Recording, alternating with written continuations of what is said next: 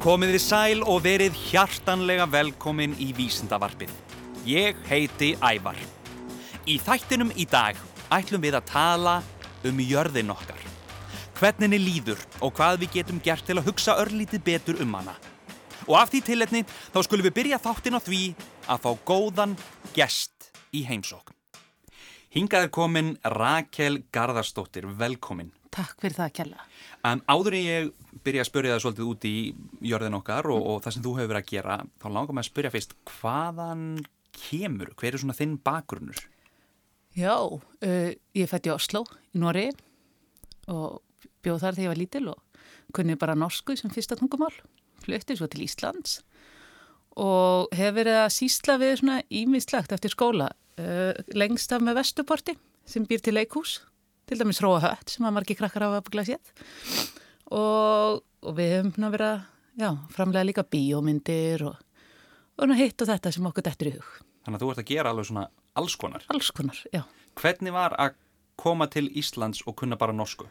Uh, ég á stóran bróðir sem heitir Gísli Örn og hann er fjórum árum eldin ég og hann hjálpaði mér svolítið, hann kunni íslensku þannig að hann þýtti bara fyrir mig þegar ég var í sandkassanum og hvað hinn í krakkarnir voru að segja Hvað varstu gömul þú komst til Íslands? Fjögur ára Já, þannig að, þannig að emitt En svo læriðist þetta fljótt. Já, emitt, nákvæmlega, krakkar er svo fljótur að læra Heldur betur. Ný tungumál. Heldur betur. Þannig að þú fer, hvað læriru í að ég er svona að reykja aftur, mér langar að vita hvað þú læriðir í til dæmis mentaskóla til að verða það sem þú ert í dag? Hvað, hvaða uh, braut fórst á þar? Ég fór á félagsfræðibraut. Mm -hmm.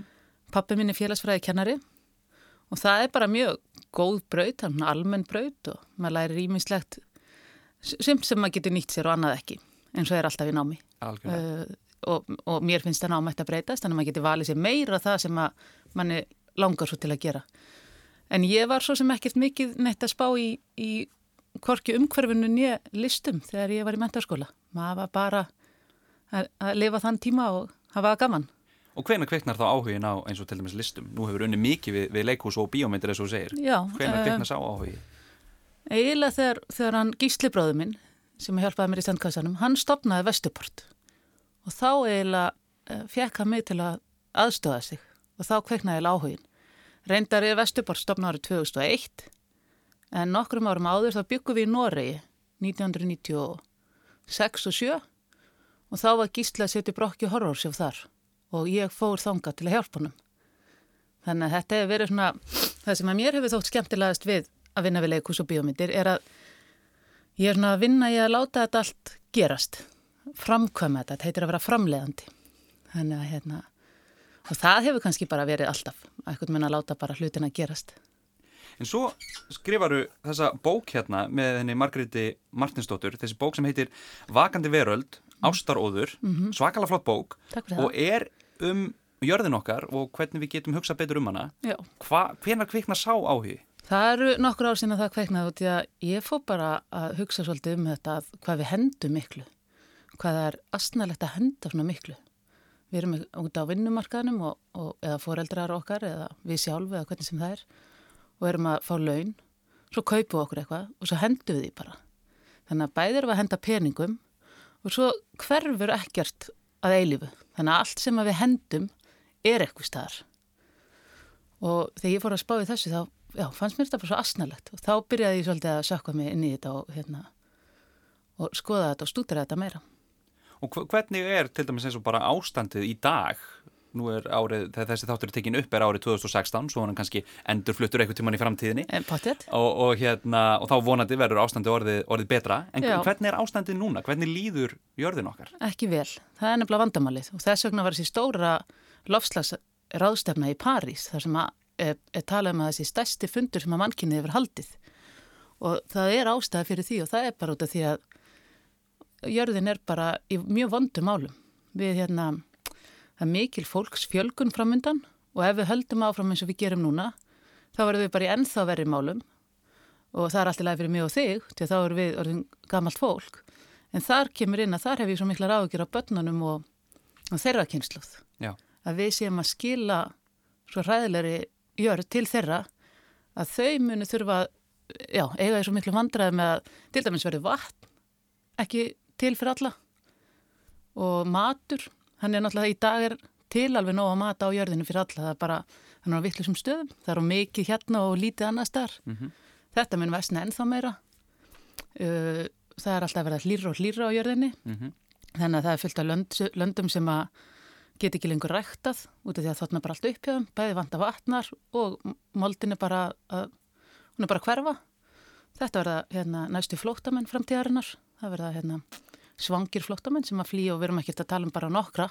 Við erum að tala um hundruðu miljóna manns. Alveg allt fyrir sunnan Sahara til dæmis. Það mun enginn geta búið þar.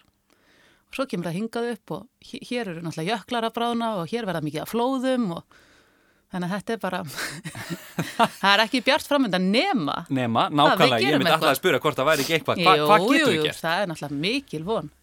Við getum bara til dæmis orðið meðvituð og hugsaða eins meira og hugsaða eins betur um jörðina.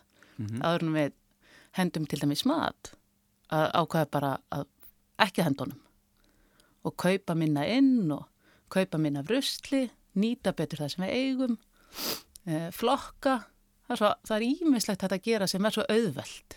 En hvað eins og til dæmis með matinn? Hva, hvað meinar með að, að- henda ekki eins, eins miklu mat? Hvað, hvað til dæmis eins og nú er uh, stendur á mörgum matvælum, stendur síðasti söludagur emitt. og best fyrir. Þýðir, hva, hvað, þý, Mhm. Sko, þýðir það að maturinn sé bara orðin ónýtur eftir það? Stundum eða? þýr að það er ónýtur. Mhm. Ef það stendur uh, síðasti söludagur, ef það er sko eins og skinku eða eggjum eða eitthvað sem að getur valdið okkur skada, Mhm. þá á maður að fara eftir því. En ef það er til dæmis eins og serióspakka sem er þurrmatur, hann getur ekki skemst. Í mestalagi getur hann tapa smá bræði sínu, Mhm. en þá er það bara framleiðendunir, þeir sem að framlega vöruna og vilja græða peninga, þeir ákveða hvaða dagsetning það er. Og þetta gera þær náttúrulega, svo eru serióspakkarnir að verða stærri og stærri, þannig að við kaupum rosalega mikið magn. Svo förum við eftir best fyrir dagsetningunni og hendum bara seriósum til við höldum að það sé ónýtt til að geta keft meira. Þannig að sá sem að bjóða til, hann græði meira, við töpum peningum og jörðin okkar þjáist fyrir það. Já. Þannig Þannig að að við, við þurfum að, Við þurfum bara, hu- hérna, hugsa eins. Já, ba- þetta er bara að hugsa og hérna, eins og með mjólk að best fyrir dagsetninginu henni maður á bara að þefa af henni. Það, það skeður ekkert fyrir mann eða gerist ekkert fyrir mann þó að maður fái sér eitt sopa af súri mjólk. Nei, nei, maður finnur það líka strax ef um hún er súr. Og hún getur alveg orðið, ég menn, hún getur alveg verið tíu daga fram yfir þess vegna ef hún er í lokuðum umbúðum best fyrir. Síðan hef ég líka alveg lendið því að ég fengi súra mjólk sem var ekki komin á dagsetningu. Já, Það er náttúrulega bara, veit, maður verður bara að treysta sjálfum sér. einmitt. En skiptir einhverju máli hvað, að því nú eru einhverju krakkar að hlusta, skiptir einhverju máli hvað einhver, hvað einhver bara einn gerir? Já, það er nefnilega, það þarf oft bara einhvern einn til að starta þessu. Já. Og það er svona frækt er sagt að það gerist ekkert, þú gerir ekkert nema nágranniðin gerir það. Já, Skilur, þó að Sigmundur Davíð eða eitthvað ráðamaður myndi segja við okkur hættið að henda mat, Já. við myndum ekkert endilega gera það. Nei. En ef við varum alltaf að fylgjast með nágrannunum okkar Mhm. og hann fara að henda, hætta að henda mat og við myndum sjá hvað er auðvelt hjá honum og hvað hann eh, spara mikið pening og huga betur að hérna umhverfinu og svona. Mhm. Þá myndum við kannski smitast að því og frekar vilja gera það. Þannig að þess vegna skiptir öllu máli að hver og einn gera eitthvað. Og því að það, það, það smita svo mikið út frá sér.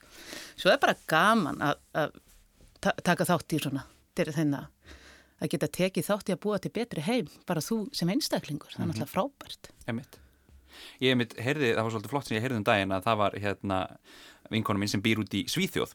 Hún var á, á fyrirlestri hjá manni sem var að tala um framtíð jarðarinnar og hann var að tala við mentaskóla krakka og hann sagði við krakkana þið eruð fyrsta kynnslóðin sem munuð finna alvarlega fyrir afleiðingum eins og gróðurhúsa áhrifa og, og, og það slags en þeir eru líka síðasta kynnslóðin sem getur gert eitthvað í því. Einmitt. og þetta er eitthvað svolítið sem að ég held að þeir sem eru að hlusta, krakkandi sem eru að hlusta ætti að hafa bak við eirað að, hérna, að hugsa þess og, og aðtöða hvað þau geta gert í sínu nánasta umhverfi.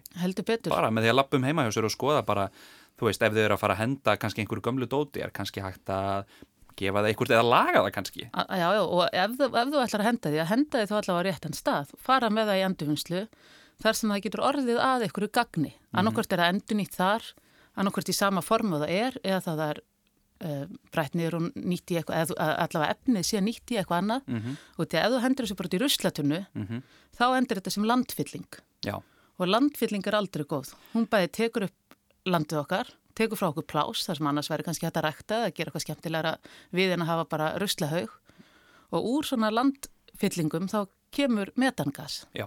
sem er mjög óumhverfisvænt líka. Þannig að það versta sem þú getur gert er að ekki að endurvinna einmitt. og, hérna, og eins og Íslandi við fáum fylgta peningum líka fyrir að við seljum úr, hérna, úr endurvinnslustöðan með þetta er selt til útlanda sem að lækkar, sem á að koma til okkar sem í lækkun í sorpgjöldum og öðru. En það er eins og með mentaskóla krakka líka þegar þau eru núna að huga hvað þau ætla að gera í framtíðinni. Mm Það eru náttúrulega ótrúlega tækifæri að, að, sem var til dæmis ekki bóði þegar ég var í mentaskóla er að vinna við eitthvað tengt ö, svona umhverfismálum. Það þarf náttúrulega að leysa svo mikið af vandamálum. Þegar ég var í mentaskóla fóru margir tölvunafræði og annað sem var þá svona aðeins nýra. Nú er bara þetta, græna línan er bara þar sem að maður á að fara í business. Einmitt.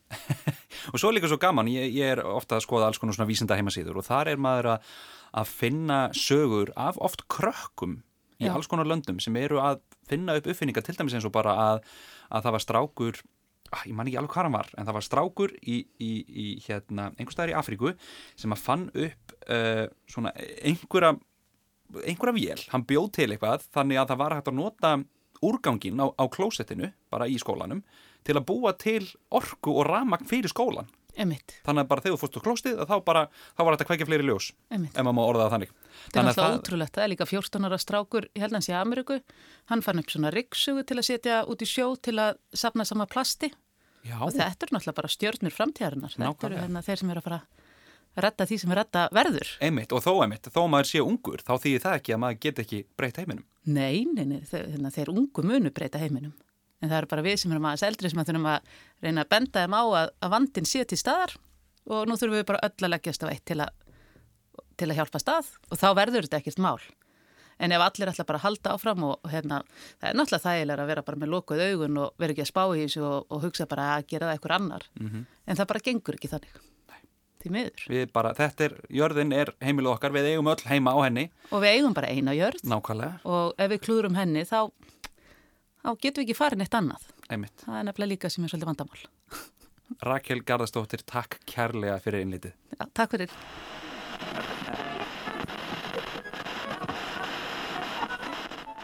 Ég hef verið að blaða aðeins í bókinni Vakandi veröld sem hún Rakel skrifaði með Margreti Martinsdóttur vinkonu sinni og mér langar að lesa fyrir ykkur hérna smá kabla sem ég fann. Þetta er kabli um það hvernig maður getur nýtt eitthvað gamalt sem eitthvað nýtt. Við skulum fá tónlist undir. Takk. Þessi kabli heitir Þegar gamalt er nýtt. Oft er óþarfi að henda gömlum hlutum líka þeim sem bila eða eru orðnir slittnir. Það er hægt að stoppa í sokka, laga saumsprettur, flikka upp á gamlan í jakka með því að setja á nýjar tölur, mála gamla skenkin. Nýtum hugmyndaflugið til að finna nýjar leiðir til að endurnýta gamalt gós. Og svo koma hérna nokkrar góðar hugmyndir og nú skulið þið hlusta vel. Sultukrukkur er hægt að nota til að geima allskins matvæli. Sultur auðvitað, sósur og grammiti sem verður afgangs og krukkurnar er líka hægt að nota undir snirtiförur sem við búum til heima. Þær eru líka ágætis glös í ferðalög í stað plastglasa. Klósettrúllur fara venjulega í pappatunnuna en það er hægt að taka nokkrar frá og geima snúrur í þeim. Þannig er snúruflækjan í skuffonum úr sögunni.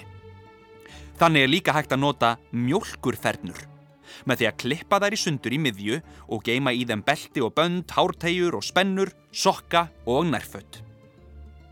Ef við tökum pappírinn varlega utan af jólagjöfum, ammælisgjöfum eða tækifærisgjöfum er hægt að nota pappírinn aftur. Sama á við um pakka böndin. Það er líka hægt að pakka gjöfum inn í dagblöð eða pappír glanstímarita. Pappírstúkar eru ágæti skjafapappír. Allskins pappír sem við lítum jafnvel á sem einnóta er því í raun fjölnóta. Með þessu spörum við peninga og minkum sorpið. Kaupum oftar notaða hluti. Það er búið að framleiða næstum allt sem við þurfum. Leitum á netinu og í verslunum sem selja notaða hluti. Þá fáum við líka sögu í kaupæti. Fáum lánaða hluti sem við notum sjaldan. Í nokkrum löndum er farið að bera á því að fólk kaupi sér bíl saman og deilunum. vinir gera það, ættingjar og jafnvel nágrannar. Ef gömul peisa er orðin ofslitinn til að klæðast henni, þá getur hún átt sér framhaldslíf sem vettlingur eða trefill. Það er hægt að breyta áldósum í fallegar kertaluktir með því að gata þær.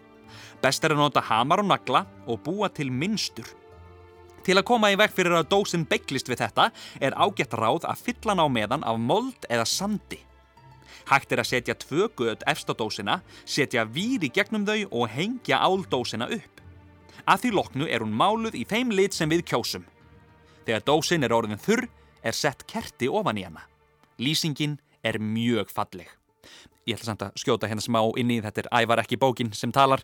Um, ef við ætlum að fara að gera eitthvað við kerti, munið að spurja mömmu og pappa fyrst um leifi. Með þessu öllu saman tökum við þátti því að draga úr mengun sem verður stöðugt þegar verið er að búa til nýjar vörur. Við mingum ruslið sem frá okkur fer verulega og þurfum ekki að flokka jafn mikið. Þá þurfum við heldur ekki jafn marga plastpoka undir almenna sorpið. Þetta er í raun grunnurinn að sjálfbærara lífi. Og svo er hér annar kapli sem er langar til að lesa örlíti fyrir ykkur úr, en það er kapli um plast. Plast er allstaðar í kringum okkur. Það má finna í mörgum húsgögnum, heimilistækjum, leikföngum, gólvefnum, ráftækjum og þannig mætti lengi telja. Og svo er það hinn stóri flokkur einnota plastvara. Plastpokar eru þar áberandi. Líka einnota diskar, glös, hnífapör að ógleimdum öllum ílátonum, til dæmis undir matvöru, snirtiförur og hreinsefni. Plast er unnið úr jarðólíu og var talið mikið undra efni þegar það var byrjað að nota það fyrir rúmum hundrað árum. Íslendingar henda árlega, sem þýðir á hverju ári, um 40 miljónum plastpoka. Það er rosalega, það er svakalega margir plastpokar. Það þýðir að við flegjum um 110.000 pokum í ruslið á hverjum einasta degi. Ástæðan fyrir þessari gríðarlegu plastpokanótkun er einföld. Við erum búin að venja okkur á þetta. Bæði vestlunafólk og neytendur, þar segja við sem kaupum matinn. Flestir þykja póka undir nokkrar vörur í búðinni, jafnvel þó fólk sé með tösku eða bakpóka með sér sem vörurnar komast auðveldlega í.